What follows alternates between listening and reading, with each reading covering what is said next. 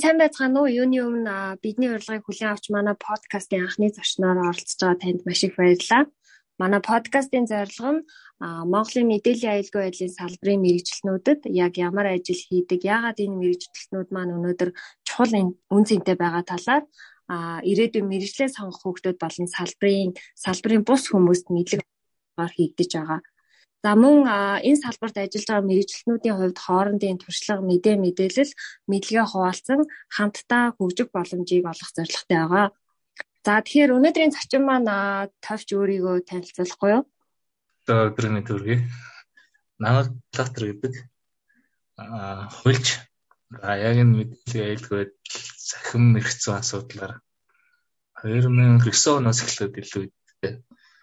Чай маань Тэгээд энэ чиглэлээр монгол хэл дээр хоёрч ном гаргасан байна. Англи хэл дээр бас нэг хоёр ном хамтж гаргасан. Аа нэг хоёр өвөглөл бас одоо сурлын өвөглөл гаргасан. Энэ хэвлэлээр ерөөдөө сонирхоод бас ажиллаж байгаа хуульчин байна. Аа. Аа яагаад бол мэдээллийн аюулгүй байдлыг сонгох болсон бэ? Та мэдээллийн аюулгүй байдлыг юу гэж ойлгодог вэ? Энгийн үгээр тайлбарлавал. Ааха анх болохоор нөгөө блог эхэлж байхад нэгэн сонирхолтой өгөөд одоо монгол дээр блог боломжтой болоод блогчдаг хүмүүс болоод өдөрхөд энэ блог төгч хэрэг асуудал гэдэг юм нэгэн дагуу сонирхоод. Тэгээд төгч нь цаашаа ингээд сонирхолтой өрөнд хэлээд интернет их зүү мэдээллийн аюулгүй байдал их зүү гэдэг ингээд сонирхол ингээд өргөжөөр явсан. Ялч нөгөө хүмүүсийн хэрэглээч өргөжөөд блог хөтлөө эргэлж байгаа үдж байгаа юмнууд гэсэн нөлөө өөрчлөгдөд тэгээд бодол нөгөө нийт хэрэглээ болсон. Өмнө нь бол ингээд цөөн хэрэглэдэг. Бараг мэйлэгч нэг гэдэг чинь өдөрт хэрэгцээ биш байсан бол ингээд өргөдөд өргөжөд Facebook одоо ямар их болгон хэрэгжтэй ямар хүн банк хэрэгжиж байгаа байлаа гэдэг. Тэгээд дагаад ингээд асуудлууд нь хэцүү асуудлуудад ингээд гач эхлээд тэгээд л ярхал ингээд дааж хөгжиж яваад хэмэр гэмтэр гэмтэр гэдэг. Тийм байдлаар л ингээд одоо ч гэсэн сонирхол яваал энэ. Өмнө бас гүйцэж чадахгүй л байна. За дараагийн мэдээллийн аюулгүй байдгийг юу гэж ойлгох вэ гэдэг. Тэгэхээр энэ дээр бол нөгөө их мэдээлэл бий болоод их мэдээллийг одоо эргэлтэнд оруулаад их мэдээлэлтэй танилцаад үгээгээд тэгэхээр гад нөгөө аюулгүй байдаг асуудал нь хамт яваад байна л да. Аа. Тэгээ өөр бүр өмнө нь нөгөө их орчинд мэдээлэл бага байсан үед бол яг эрсдлүүд нь харьцангуй бага байсан.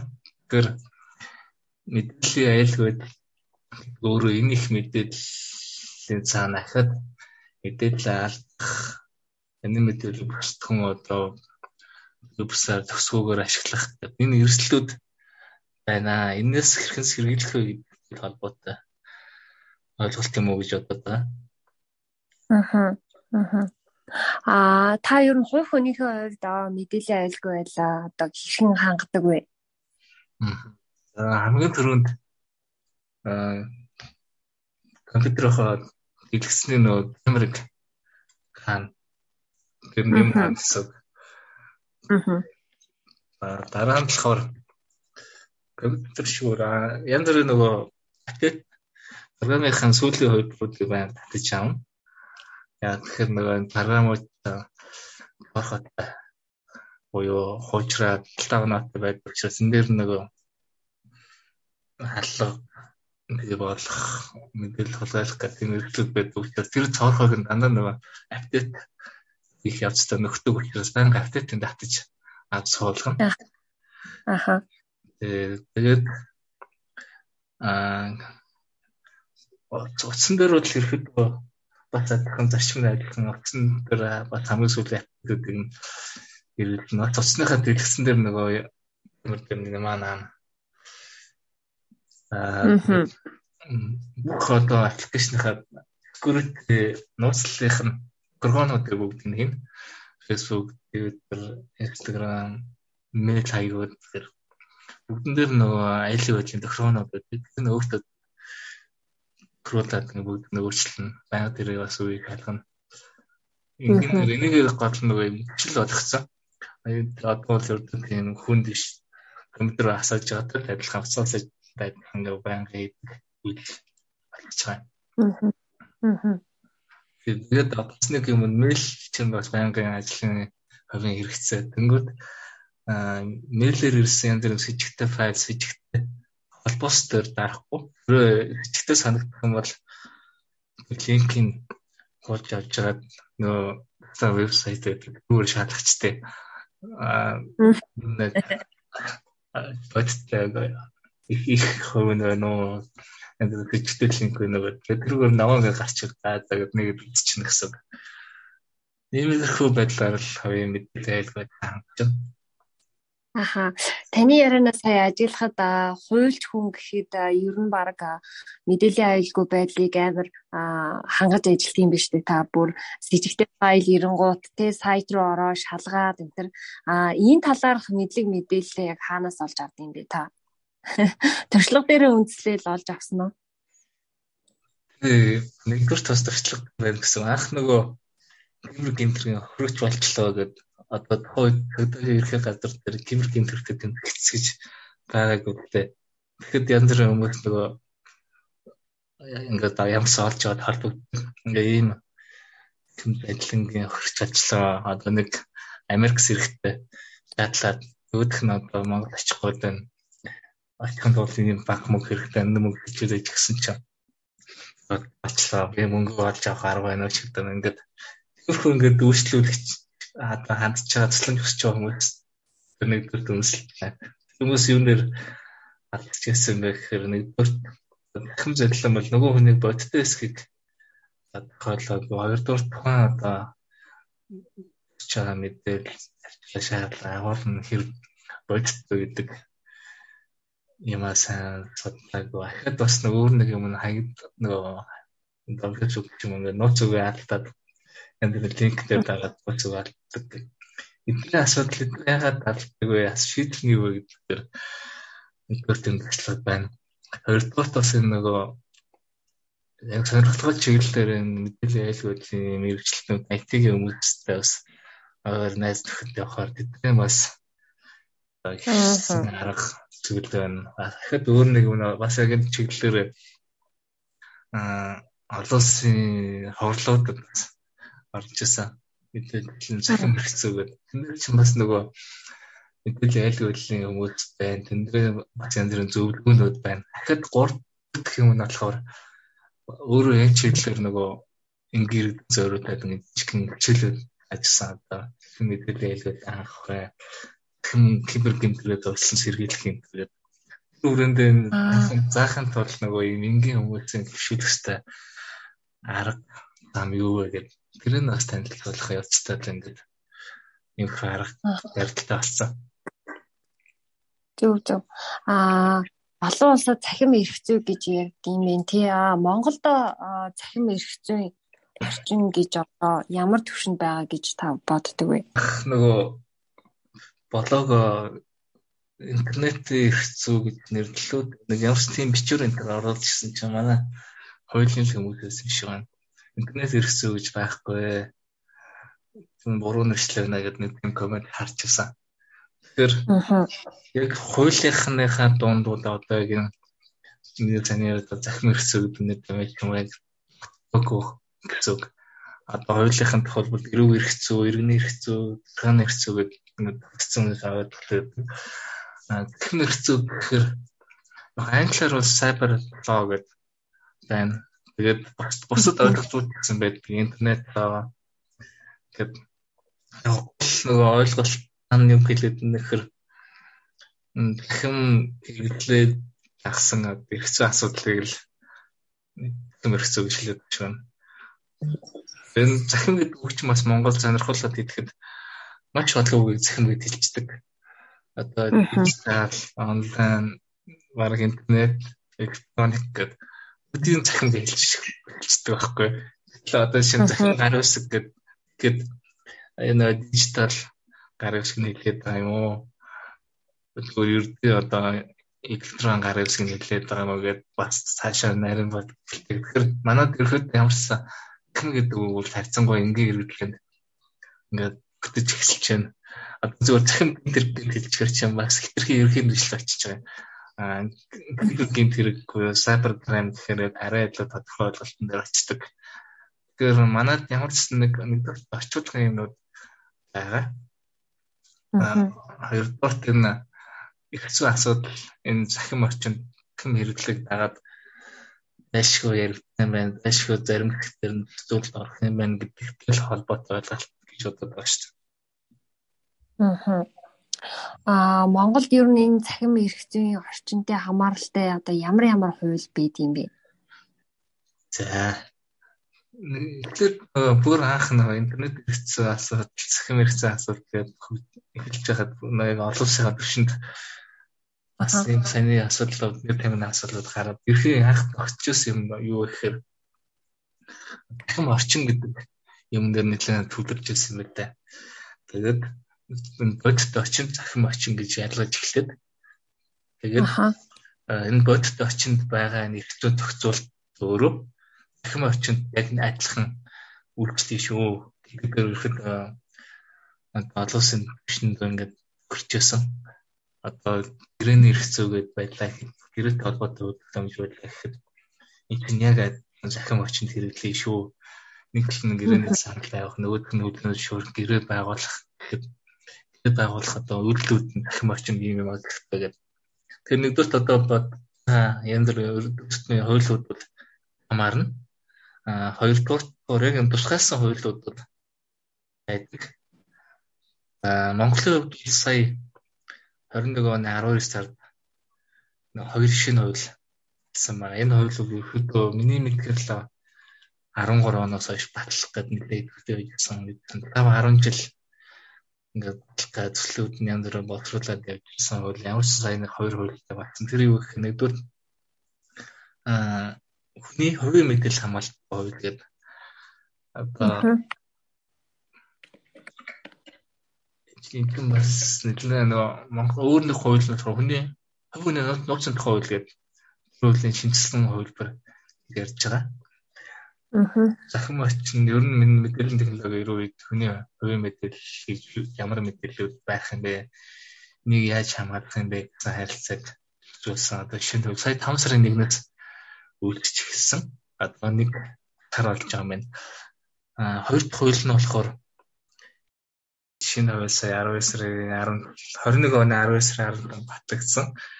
Энэ хууль өмнө нь болохоор төсөл явж байхдаа бас нэлээд олон нэртэй байсан. Юу гэсэн нэртэй гэхээр мэдээллийн аюулгүй байдлын тухай нэрээр бас нэлээд явж байсан. Хуралд бас нэг өргөн баригдсан. Цөөлд одоо батгсан хувь нь кибер аюулгүй байдлын тухай гэдэг нэрээр орж ирж байна.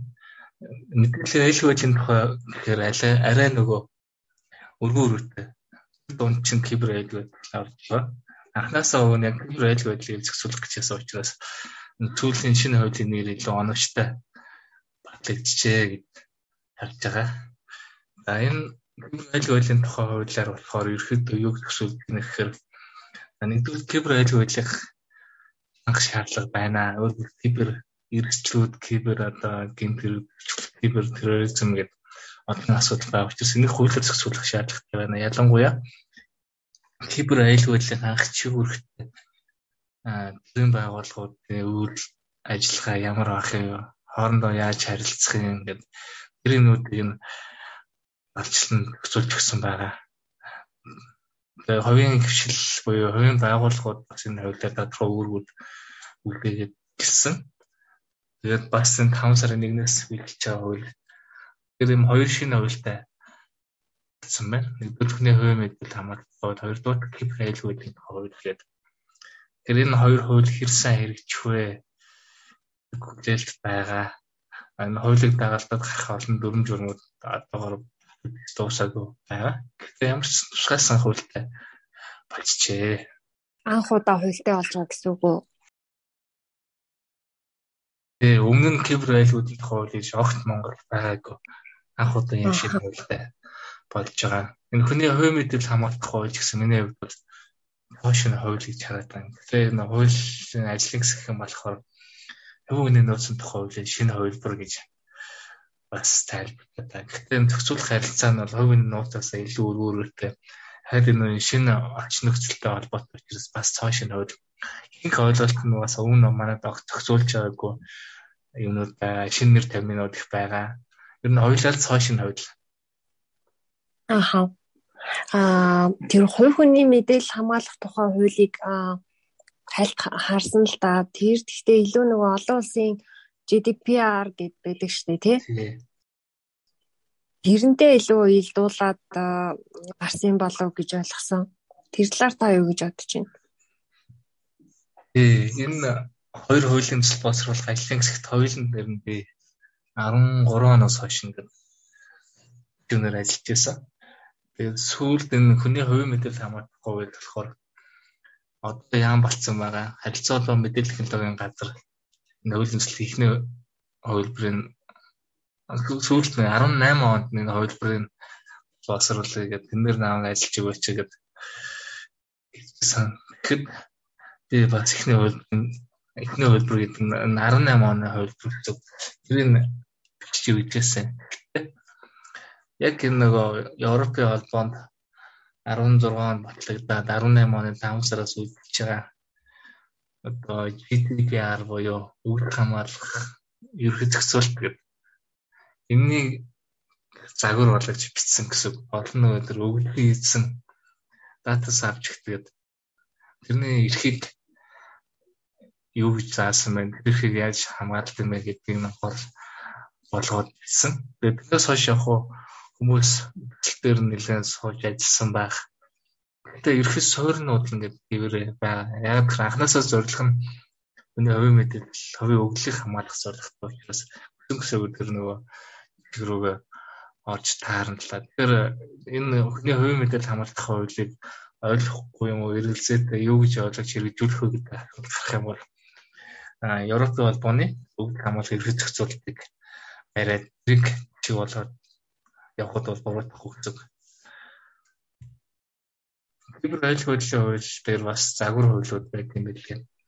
Олон улсын захирал холбооны байгууллагаас гаргасан гэх мэтлэн тэрийг загвар болгосон баг. Одоо тэгэхээр энэ хөлт маань 5 сарын 1-ээс хэрэгжиж эхлэхээр хувь хүндээ ямар ач холбогдолтой байгууллагатай одоо ямар ач холбогдолтой юм те одоо ер нь манай хувийн хөгжлийн байгууллага төрийн байгууллагууд ч юм уу бидний хувийн мэдээлэл авч одоо ашиг орлогын зорилго мөн те маш олон янз бүрийн зорилгоор ашиглаж байгаа штэ. Аа. Ир дээр одоо ямар зохицуултууд орж байгаа үр дүнд нь одоо ямар зүйлс одоо илүү ач холбогдолтой болж байгааг гэж тайлбарлах уу? Аа нэгдүгээр ач холбогдол болохоор юу хүний хувийн мэдээлэл гэдэг нь ямар мэдээлэл орох юм бэ гэдгийг альбасаар заад өгсөн. А өмнө нь болохоор хувийн нууц зэн асуудлыг ярьдаг байсан. Хүн одоо дөрвөн төрлийн хүний хувийн нууц байна гэдэг хамгаална гэдэг байсан бол одоо зөвхөн нууц гэлгүүгээр ер нь хүний хувийн мэдээлэл үгийг нь хамгаалах шаардлага байна гэдэг нэгдүгээр энэ бол авч үзсэн аа. Хоёрдугаар аа нэгэн хүний хувийн мэдээлэл гэдэг нэлээд өргөөрөөтэйгээр юм болоод өгсөн. Ямар нэг мэдээлэл баг орхихгүй. Хоёрдугаар энэ хүний хувийн мэдээллийг цуглуулах, боловсруулах, ашиглахад ямар дипломын дүрмтэй байх юм бэ? Мэдээллийг нь цуглуулах гэдэг, боловсруулах гэдэг ашиглах гэдэг төрийн байгууллага, хувийн байгууллага ямар үүрэгтэй байх юм? А иргэн мэдээллийн эзнэх хувьд ямар их үүрэгтэй байх вэ гэдэг энэ юмыг ингээд заагаад гисэн. Гол ерөөхдөө энэ хуулийг юу гэж ойлгох вэ гэхээр а нэгдүгürt таны хувийн мэдээллийг ингээд өрөөрөө тодорхойлж өгсөн шүү. Хоёрдугаар таны хувийн мэдээллийг энэ нэгэн одоо болуулъя боловсруулах ашигтыг гэх юм бол та зөвшөөрлөх ёстой шүү. Нөгөө танаас зөвшөөрөл авах ёстой. Зөвшөөрөл өгн аавна гэдэг нь та мэдээлэл өгөхгүй байх их нь бас дагалдна гэсэн. Би энэ мэдээллийг сулууж боловсруулж ажиллахыг зөвшөөрөхгүй гэж хэлэх хэрэгтэй болно. Хоёрдугаарт зөвшөөрөл өгсөн байлаа ч гэсэн таны анх өгсөн зөвшөөрлөөс дараа нь өөр нөхцөлөөр мэдээлэл цуглуулад боловсруулад авах юм бол за зөвшөөрлөө тусалж болно. Дахиад нөгөө хуульцаар буюу таны зөвшөөрлгүйгээр цуглуулсан мэдээллийг нь хэрэгсгийг нь устгуулах хэрэгтэй гэдэг ийм зүйл орж ирж байгаа. А мэдээлэл цуглуулж байгаа байгууллага этгэдэг хувьд бол а би энэ мэдээллийг цуглуулах юм бол хойш хойш шиг ингээд амраагүй цуглуулж болохгүй нэ. Заавал зөвшөөрлийг нь авах юм байна. Зөвшөөрөл авахгүйгээр авсан зөвшөөрлөөс өөр нөхцлөөр өөр зорилгоор үргэлжлүүлээд мэдээллийг боловсруулж ашиглах юм бол хууль бус болох юм байна гэдэг ийм үнсэн имийг зохицуулж өгсөн гэсэн. Тэр гол нөгөө үеийн юм зөвшөөрөл гэдэг зүйл байгаа. Зөвшөөрөл өгөн зөвшөөрөл авна гэдэг энэ зүйл байгаа. Тэгэхээр энэ цаана бол зөвхөн хууль гэхээс гадна иргэний хувьд одоо иргэн галбатрын хувьд бол ямар мэдээллийг цуглах байгаа юм бэ гэдгийг юм маш сайн танилцсан гэсэн үг. Нэгдүгээр одоо нөгөө байгууллагатай та миний ямар мэдээлэл авах гэдэг юм бэ? энэ мэдээллийг авъя гэж юм. Энэ мэдээллийг танд авах хэрэгцээ шаардлага чинь байгаа юм уу? Хууль зүйнслэл нь юу юм бэ? гэдгийг нь тодруулна. Хоёрдугаар болохоор та миний мэдээллийг ашиглаж байгаа юм бол би танд зөвшөөрлөө өгье. Ийм юм нөхцлөөр зөвшөөрлөө өгч биш өөр бүхэн одоо над зориулсан бүтээгдэхүүн үйлчлэгээ танилцуулахад нь зориулж өглөөч гэх юм. Тийм байдлаар зөвшөөрлөө өгнө. Хоёрдугаар нөгөө зөвшөөрлөх нөхцөл бас өөрөө хяналт тавина гэсэн. За миний зөвшөөрлөөр ийм мэдээлэл цуглуулж болгож ашиглажээ. Тэрнийхээ дагуу цуглуулж ашиглаж байгааг гэдгийг хянаад хэрэг хийгээгүй байна гэж үсэх юм бол аа миний зөвшөөрлөөс өөр нөхцөл та мэдээлэл цуглуулжлаа. Энийг устгана гэдэг шаардлага явах хэрэгтэй болж өгнө гэсэн. Гол юм бол ерөөсөө өө мэдээлэл замрааг өгөхгүй бах соёлт гэх юм уу турлах хэвээр болж байна гэсэн. Одоо тохиолбол нөгөө Facebook дээр янз бүрийн постн дор, регистрийн дор, хөтөн дугаараар амрааг бичиж байдаг. Бол тэрийг байлууч ээ, байх хэвээр зүйл байгаа. Тэгэхээр одоо нэг юм чирж юм л та. Мм одоо яг хөө ингээд шинээр бид нар мэдээлэлээ байгууллага юм уу, төрийн байгууллага юм уу, хувийн байгууллагад өгөх бол зөвшөөрлийн дагуу өгж өгнө гэж ойлгож байна. Аа тэгэхээр өмнө нь өгсөн байсан мэдээлэлээ бид нар одоо яана гэсэн үг лээ. Аа түрүүгээр Европын холбооны өвдөл хамгаалах эрх зохицуул гэдэг. Энд дэр бол уг нь ингэж явсан. Өмнө өгсөн мэдээлэл дахиж шинээр зөвшөөрөл аваарай. Гэт хавьчлын хугацаа зааж өгсөн. Аа манай хууль харамсалтай нь болохоор энэ зохицуултыг нь орхицсан. Би ажлын хэсгийн гүн аваар бол зөндөө саналаа гэдэг. Бас тэмдэг үлдээ. Өөрөөр хурцлж авсан мэдээлэл ахаад шинээр танаар бидний таны энэ мэдээллийг бид ингээд цуглуулсан. Бид бид энэ мэдээлэл байна. Таныг ахаад өргөж ашиглуулахыг зөвшөөрөхгүй гэдэг нөхөд зөвшөөрөл австай байсан бол манай тэрийг нь орхигдуулсан. Одоо бүх юм эхлэн гэдэг юм төчмөр хуулиар батсан. А гэхдээ а өмнө хорны хэмээ мэдээллийг нь цуглуулсан байх юм. Тэгвэл тэрний хувьд өмнө цуглуулсан хорны хэмээ мэдээлэл нөгөө цуглуулсан байгууллагууд нь орчно гэдэг ийм бичтийн тохиолдол тохиолдсон. Бусад хүний хэмээ мэдээллийг бол одоо хоёулаа шинээр эхлэх гэдэг ийм байдлаар төсөлдсөн байгаа.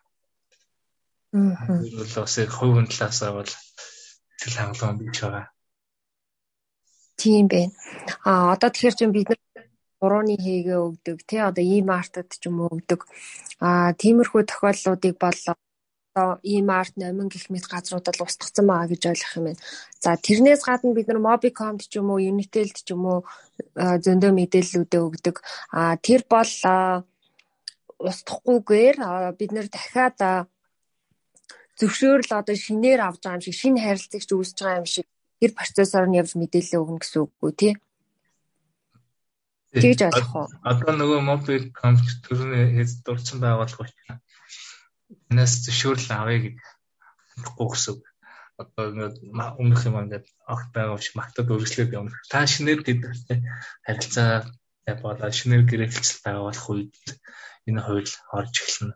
Тэ таны хувьд бол одоо нөгөө байгууллагууд надад миний ямар мэдээлэл зодож ашиглаж байгаа юм бэ гэдэг нь мэдээлэл авах боломжтой. Тэнгүү тэн дээрээс энэ мэдээллийг юу ашиглах зөвшөөрөхөө гэж нэг хэлж үзэх бас боломж байж магадгүй гэж хараад байна. Гэтэл ерхий хуулийн агуулгууд ер нь бол одоо шинээр эхлэе өмнөх юм ингээ мартаа тэр бол ингээ энэ хуулийн үйлчлэлд хамаарна гэдэг зүйл нь тодорхой биш. Ер нь хамаахгүй гэж ойлгогдлоо. Аа. Энэ хуулийг дагаад ингээд сонсохоор бизнесийн байгууллага ч юм уу төрийн байгууллагууд дээр маш олон нөгөө процессын их зүйлсүүд гарч ирдیں۔ гэж харж ин л да тий энэ зохицуулттай хамааралтайгаар. Тий. Мэдээллийн эзнээс зөвшөөрөл аавна гэхэд нөө авах зөвшөөрлийн маягт нь бас нэг олон мэдээл яар 8 7 төрлийн мэдээллийг танилцлыг зөвшөөрүүл гэж мэдээлэл аавна гэж та. Нэгдүгээр мэдээлэл цуглуулах боловсруулах гэж байгаа үйлчлэг зорилгоо танилцуулна. Хоёрт нь нөгөө мэдээлэл авах байгууллагын нэр, оноос нэр холбоо өрөх мэдээлэл гэдэг энэ мэдээллээ бас танд хэлнэ. Тэгээд авах гэж байгаа буюу тэр цуглуулах, боловсруулах ажиглах мэдээллийн тагсаалтаа бас танилцуулна. Танд одоо ийм 10 төрлийн мэдээлэл танд авъя гэдэг. Хоёрт нь хугацаагаа танилцуулна. Жил энэ мэдээллийг цуглуулах гэдэг юм уу? 6 сар юм уу 10 хоног юм уу гэдэг хугацаагаа хэлнэ. Тэгээд тухайн мэдээллийг танаас авах гэж мэдээллийг ил болох уу буюу гэдгээ бас танилцуулна. Тэгээд энэ мэдээллийг бас бусдад дамжуулах уу дамжуулах бол хэн дамжуулах вэ гэдэг чагсаалтаа бас танд үзүүлнэ. Тэгээд зүрт нь болохоор та зөвлөө ямар хэлбэрээр туслах вэ гэдэг энэ 7 төрлийн нөхцөлийг мэдээлэл эзэн танилцуулаад энэ долоо нөхцөлтэй сайт танилцсны үндсэн дээрээс нөгөө мэдээлэл эзэн зөвшөөрлөө өгнө. Аль нэг нөхцөлийг нь дутуу танилцуулсан, буруу танилцуулсан байх юм бол мэдээлэл авах нөхцөлөө хуульчаар буюу буруу дутуу танилцуулсан гэдэг нь үйл нөхцөл бүрднэ гэсэн. Энэ долоо нөхцөл бүгдээрээ байна уу? Бүгд лэмгүй байна уу гэдэг мэдээлэл эзэн бас өөрөө шалгах хэрэгтэй болно гэсэн. Зөвшөөрлөө бичгээр өгнө гэж байна. Зөв тийм танаа цаасан хэлбэрээр захимаар өгнө гэж. Аа. Энэ процессуудыг манай нөгөө төрийн болон бизнесийн байгууллагууд хийж одоо дууссан байх хугацаа гэж байгаа лөө. Жишээлбэл 2023 онд багтаан ч юм уу тийм заасан хугацаа байгаа. Аа энэ хууль өөрөө 21 он 19 сар баталгатай. Энэ бүх одоо процессын хууль шууд хэрэгжихэд шаардлагатай энэ процессын асуудлуудад бид 22 оны 5 сарны гэхэд амжилтчнаа үзээд үндсэндээ 6 сарын хугацаанд амжилтчна гэж үзээд хууль 5 сарын 1-ээс хэрэгжинэ гэдэг ярьсан. А энэ 5 сарын 1-ээс хойш бол ямар нэгэн хугацаа байхгүй бүх юм бэлэн болсон байх хэрэгтэй гэсэн. Тэгээ бэлэн болж чадсан. Доороо чинь хуулийн талаарх энэ сургалтууд явсан уу гэдэг бол асуудал. Энэ нь одоо шинээр үүссэн байгуулагдсан цахим үйлчлэл харилцаа холбооны яамны гол хариуцах ажил л та. Тэгэхээр бол одоо бүх юм энэ бэлэн бүгд одоо хэрэгжээд явж байгаа гэсэн хугацааны явд. Аа зөв зөв. Тэгэхээр одоо миний харж байгаагаар бол жишээлбэл зарим бизнесийн байгууллагууд энийг яаж одоо имплемент хийх юм, ямар процессыг бид нэр хийх юм, заавар ч юм уу тиймэрхүү юм аваагүй яаж одоо энэ хуулиа дагаж мөртгөө мэдэхгүй байгаа байхгүй. Тэгэхээр манай нөгөө төрийн байгууллагаас тий нөгөө яамнаас бид нарт одоо өгөх мэдлэг мэдээлэл нь дутуу байгаад байна гэж хэлж болох уу? Хуулийг хэрэгжүүлэх үүрэг тэн газарт буюу одоо яам дээр байдаг. Энэ хуулиараа ч гэсэн яам дээр байгаа. Тэгэхээр нэгдүгээр яамаасаа шаардна гэсэн энэ хуулийг хэрэгжүүлэх шаардлагатай мэдээлэл өгөөч, заавар зөвлөмж өгөөч тэг шаардна гэсэн үг. Хоёрдугаарт энэ хуулийг хэрэгжүүлэх юм уу хэрэгжүүлэх хахад энэ эргэлзээтэй ойлгомжгүй юу гэж ойлгох вэ гэдэг асуудал юм бол хэрвээ тухайн байгууллага хуульчтай бол хуульчтай зөвлөж саарах бол хуульчтарт нь ч гэсэн бүгд хоош нь ойлгохлохоор хэцүү ямнаасаа юм тайлбарч гэдэг юм уу австаа. Гэтэ дахин хөгжил арилжаа холбооны яам бас амиггүй ашиг. Тэр нэг асуудлаар яасан чаа энийг хуульч юмнаас асууя бид бас сайн мэдгүй байна гэдэг тайлбар хийчихсэн. Гэтэ энэ хууль ихэд гол хэрэгжилтэн хэн яам дээр байгаа учраас эндээс л тайлбаруудаа хийх хэрэгтэй л та. Аа. Ямар гэж бөө баяр болоод байгаа. Яаж хэрэгжүүлэх вэ? Хэрэгжилтээ ямар төвчөнд байгаа гэдэг нь бол асуултын тэмдэгтэй л гэсэн үг. Аа. Таны анзаарснаар таны мэдж байгаагаар ер нь энэ хуулийг байгууллагатаа нэвтрүүлсэн тийм газрууд байна уу одоогоор ер нь 5 сарын 1-ээс хойш. За ямар ч сүүлд нэг аа одоо шилдэм тархимаас бүхэн байгууллагуудаа хандаад тагнуулын байгууллагын төлөө олцоотой хорны ээний мэдээллийг батгах ингээд шаардлагууд явуулаад утгасан талаарх тайлангаа энэ хүслэтийн дагуу ирүүлээрэ гэдэг хувийн байгууллагууд Facebook дээр л амны тийм мэдээлэл оруулсан байсан. Тэгээд хуульчтай томоохон компаниуд тэгээ 2 3 хуульч надаас асууж ирсэн. Энэ зөвшөөрөл өгөх авах төсөөлт би яаж хэрэгжүүлэх вэ гэд. Тэгэхээр ямар ч сан хуульчтай одоо комплайсент гайгүй чигдсэн газрууд бол навлаг хэрэгжүүлэх гээд хуучрын айл хэдийн бүрэн судалчаад тэгээд орно. Зарим нэг ойлгомж юм уу эргэлзээд юу ч болох талаар юмнууд байна гэд хандчихсан. Ямар ч яг шууд нэр цааш хэлэх байгууллага бол санаанд орохгүй байна. Энэ талаар бол илүү нүүд харилцаа бон юм хариу өгөх хэрэгтэй. Гэхдээ байгууллагууд ямар ч хэрэгжүүлэх гэдэг нэг хичээгээд байгаа юм байна. Хөлж хөлтөд олчлоо ингээд бүх юм окей гэж бодохгүй гол нь нөгөө өөрөө өмнө нөгөө хүний хувийн нууц хамгаалалт 97 оны хуулиар бол хувийн нууц өөрөө даалт гэсэн байхгүй. Хувийн бүх юм өөрөө ер нь зүйлээ шүү гэдэг зарчимтай. Тэгээд тэрнтэй адилхан одоо ч гэсэн захим хөгжил харилцааг яамтай болсон, та хуультай болсон гэж сэтгэл амар байхгүйгээр ахад өөрөө өөртөө ер нь гол ачааллаа өөрөөд өөрөө өөрийнхөө мэдээллийг хамгаална шүү гэдэг байдлаар хандах хэрэгтэй юм шиг байна. Хууль бол өөрөө дангаараа тэрний хувийн мэдээллийг 100% хамгаалж чадахгүй нэг 20%, 20-30% хамгаалж болж чадах баг. Үгсэн 70-аас 80% мэдээлэл хамгаалах зүйд алдахгүй ба зүйд буруугаар ажилуулахгүй байх хариуцлагууд хувь өндөр өөр дөр нь бол хэвээрэл байгаа. Тийм яг зөв. Ер нь мэдээллийн аюулгүй байдлын хамгийн чухал хамгийн том эрсдэл нь хүн өөрөө байдаг гэж үзээд байгаа шүү дээ. Хүн өөрөө ямар мэдээлэл хуваалцах уу, тий сошиал дээрээ а одоо ямар мэдээлэл постлох уу, хинтээ ямар мэдээлэл хуваалцах уу гэдэг тэр болгоно нөгөө хувь хүнээс хамаарж байгаа болохоор. Тий. Тэгэхээр ахад нөгөө тэрийн байгууллага бас нөгөө хувь хүмүүнд зориулсан хувийн мэдээлэл замрааг өгөхгүй байх мэдээлэлтэй бүрэн хяналт авах чиглэлийн бас сургаал танилцуулга нөгөө ойлголт мэдлэг дэвшлүүлэх гэдэг тийм юмнууд бас хийх хэрэгтэй. Ахаад хүн ч гэсэн өөр, хувь хүн ч гэсэн өөр хичээх хэрэгтэй. Нэг юм уулсаар байрлаа. Аа. Ер нь одоо тэр цагдаагийн байгууллагата та түрүүнд дурдсан ямар алд байдаг гэлээ? Аа тэмцгэлцсэн. Аа зөв. Аа тэднийхээс ч бас янз бүрийн арга хэмжээнүүд хийгээд идэг лөө ард иргэдэд зориулсан.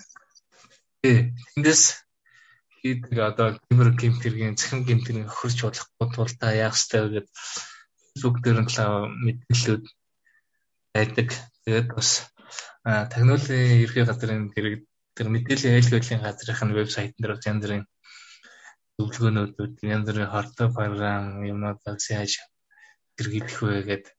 Ерхэд хүн өөрөө хайхаа бол юу юу бодвол монгол хэл дээр зөвлөхөө зөвлөм санамжууд бол харьцангуй илбэг болж эхэлсэн. Одоо макны банкнууд бас одоо банкны аппликейшнээр орохоор ингээд аюулгүй байдлын зөвлөмжүүд бас өгдөг болсон байна лээ. Өмнө нь бол ингээд монгол хэл дээр юм байдаггүй заавал нэг гадаад хэл дүнд зөвлөмж болж унших хэрэгтэй юм шиг байдаг байсан. Одоо харьцангуй юмнууд хүүхдүүдэд зориулсан тэр нөө харилцаа дунд цэцүүд хоорондоо байгаа Big Kids Semen гэдэг вебсайт байгаа. Хэм очим хэм дарамтад хэрэг зэрэглэх. Хэм очим мэдээлэл яаж хамгаалах вэ гэдэг хүүхдүүд зориулсан, эцэгчүүдэд зориулсан, багтар зориулсан бас тийм бүгдний вебсайт байгаа. Тэгэхээр өөрсдөө хайхаа мод ер нь монгол хэлээр шинэ тодорхой ойлгомжтой мэдээлүүд бас юу яваад нэлээд байгаа шүү. Аа. Тэгэхээр та маш олон нөгөө судалгааны ажил, өгүүлэл ичээд тэ олон улсын конференц вебинарт орж исэн би ойлгосон. Тэр талаараа та жоохон ярьж өгөх үү? За тэгээ. Аа 2010 онд дахин их зүгээд монгол хэл дээр ном бичижсэн. Тэр ерөөхдөө эрх зүйн асуудал энэ дээр захим очинд орж ирэх шүү гэдэг бол танаа өгсөн зорилготой ном бичсэн. Тэрнээс хойш ерөөхдөө судлаад 10 17 онд нэг бусад улсуудын Кипр аюулгүй чиглэлээр бусад улсууд яаж хамтарч ажиллаж байгаа юм бэ? Ямар ямар чиглэлээр ажиллаж байна? Аль аль улсууд хоорондоо хамтарч гэрээлж байгуулсан байна. Тэрийг нэг судалсан. Нэг өгүүл улсын орлогын нэмэгдэл орсон. Цүлд болохоор 19 онд ерөөдөө тэр тэр яриад хүмүүс анзаарсан баг. Европ холбоо, Европын зөвлөлийн ус очийн хүний өгдөл хамгаалах юмар бол ингээд сүлтэн хийсэн чиг юм байна гэдэг тэр нь тодорхой ойлгоцсон баг. Тэгэхээр Европын холбооны гишүүн биш улсууд хэн одоо мэдээлэл эзний эрхийг хамгаалах вэ? хамгаалах ёстой вэ гэдэг талаар бас нэг өгүүлд бичснийг бас нийтлүүлсэн. байгаа. Бас нэг сүүлд нэг Орсын нэг сайтан дээр тэр гаргасан юм байна яг ач ойрын чиглэлийн насвал 16 онд Монгол солонгосын хөвөр аюул байдлын хөлтөй гэж харьцуулсан судалгаа гэдэг бас нэг солонгосын талтай хамтсан ном гаргасан юм байна. Ерөөдөө солонгосын бүдэрч солонгос улсын талаас юу манад авч хэрэгжүүлэх зүгээр гэдэг юм дээр санаа оноо барах ус юмуд сан сайн сүүл гибр аюулын тухай хуулийг боловсруулах хэрэгцэх бас нэг нэг чухал их сурвалж болсон гэж ойлгосон. Тэгээ миний оролцсон орлууд гэвэл ерөөдөө ЮНЕСКОгийн хамтран бол захим засаглалын ар практик олонсын урд гэдэг урлаа. Бас сүүл 19 онд Германд болсон хэд энэ өөр өөр газар интернетийн засаглалын форум гэдэг нүүбэс зохион байгуулдаг форумд болохоор яг ихтгэл өнтер биш ердийн оролцогчоор орж ирсэн. Тэгээд тэндээс гаргасан ном юмнуудыг бол нэлээд олж ирсэн. Ямарсан өөрийгөө эсрэггүй байх, бүрэн мэдээлэлтэй, хэн мэдээлэлтэй байх талаас нь бол анхааруулаа. Харин олон нийтэд хүрэх тал дээр бол энэ юмнуудыг энэ өдөртмөн сонингуудад нэлээд ярьцлагууд өгсөн За тэгээд телевизээр бас мэдээлэл ярьлууд өгж байгаа. Тэгээд Twitter дээр бас юм бичсэн шүү дээ. Бас болж өгсөн хэллэгнүүдаа хэлэх гэл. Аа. Чондоо юм дөө. Аа. Тэгэхээр одоо цааш таны төлөвлөж байгаа одоо аа хүмүүсийн те боловсрал зориулсан тийм хийхээр төлөвлөж байгаа ажил байгаа юу? Тэгээ нэгдүгээр болохоор энэ хоёр хууль шинэ хуулиа яаж зөв хэрэглэх вэ, хэрэгжүүлэх вэ гэдэг талаас нь бас мэдээллүүдийг бодмохоор хуваалцах хэрэгтэй юм байна. гэсэн нэг тийм үндсэн ажил мэдээж нэг бодлоо. Хоёрт нь бас нөгөө яг энэ чиглэл хэм эрхтүү мэдээлэл хэлгээл эрхтүү энэ чиглэлийн олон улсын одоо хөдөлмөрчүүд ялангуудыг үргэлжлүүлээд ингээ унш танилцаад явах хэрэгтэй байна. Тийм төлөвлөлт байгаа яг гуравт нь болохоор энэ одоо өмнө 20 онд нэг подкаст гаргаж ирсэн. Аа. Тэр болохоор энэ 20 онд гэсэн нөгөө таних камер нэвтрүүлнэ гэдэг нийтлэлийн албаны албан тушаалтнууд мэдэгдээд тэрний үр дагавар асуудал ямар юм бэ гэдэг талаар а гадаад дотоод монголчуудтай хамтраад подкаст хийсэн экспертүүдтэй хамтраад тэр подкастыг хэрэг сэдвээр хачруулах хөгжүүлж магадгүй гэсэн иймэрхүү л төр зургтай байна да. Аха. Ер нь их юм их. Тэгэл багаар л Мм. Цэцэн хувь нэмэр оруулах юм байвал харуулдаг юм даа гэсэн. Адилтай. Ер нь олон улсад cyberlaw гэж байдгүй бүх олон улсад интернэшнл дааж мөрдөх ч юм уу тиймэрхүү одоо стандарт гэдэг шиг. За GDPR бол Европын албаны улсуудад зориулсан regulation гэж ойлгоод байгаа. Өөр байдаг. Эндээс одоо дэлхийн улс орнуудын кибер аюулгүй байдлын индексийг нь гаргадаг. Тэгээд кибер аюулгүй байдлыг хангах загвар хууль гэдэг танилцуулдаг. Ерөнхийдөө тэндээс олон тийм дааж мөрдөх шиг загвар хэм хэмжээнүүдийг нэгэн гаргасан байдаг. Тэр ер нь IT буюу нөөбийн төрөлсөн байгууллагын хувьд бол яг энэ чиглэлийн гол дааж мөрдөх үйлдэл авах гол хэм хэмжээнүүдтэй баталдаг. Ер нь тэрийг тэрээс гаргасан зөвлөмжүүдийг сайн хэрэгжүүлэх юм бол бүх асуудлыг яг шийднэх асуудал. За тэгэхээр таны гаргасан ном болон судалгааны ажил оролцсон конференцийн мэдээллийг подкастынхаа доор линк байдлаар оруулж болох болов? Болно болно. Ер нь аль болох нээлттэйгээр л тавиад. Тэгээд энэ чагсаалтаас бас хардгаа. Биний чинь авч уншиг өвл хандаад мэйлэр бас их хувийн авах боломжтой. За тэгвэл ингээд өнөөдрийн маань подкаст ингээд өндөрлж जैन та бүхэн хэрвээ хэрэгжиж байгаа аюулгүй байдалтай хамааралтай хуулиудын талаар илүү дэлгэрэнгүй мэдээлэл авахыг хүсвэл манай зочинтой холбогдож болно. За тэрнээс гадна илүү асууж тодруулах зүйлсүүд байвал биднэрт бас комент хэсгээр үлдээх боломжтой байгаа. За ингээд бидний урилгыг хүлээж авч манай подкастт оролцсон танд маш их баярлалаа. Үнтэй цагаа зарцуулсанд. А танаас хийлэх болон анхааруулах манай сонсогчдод зориулсан үгс байгаа болов уу?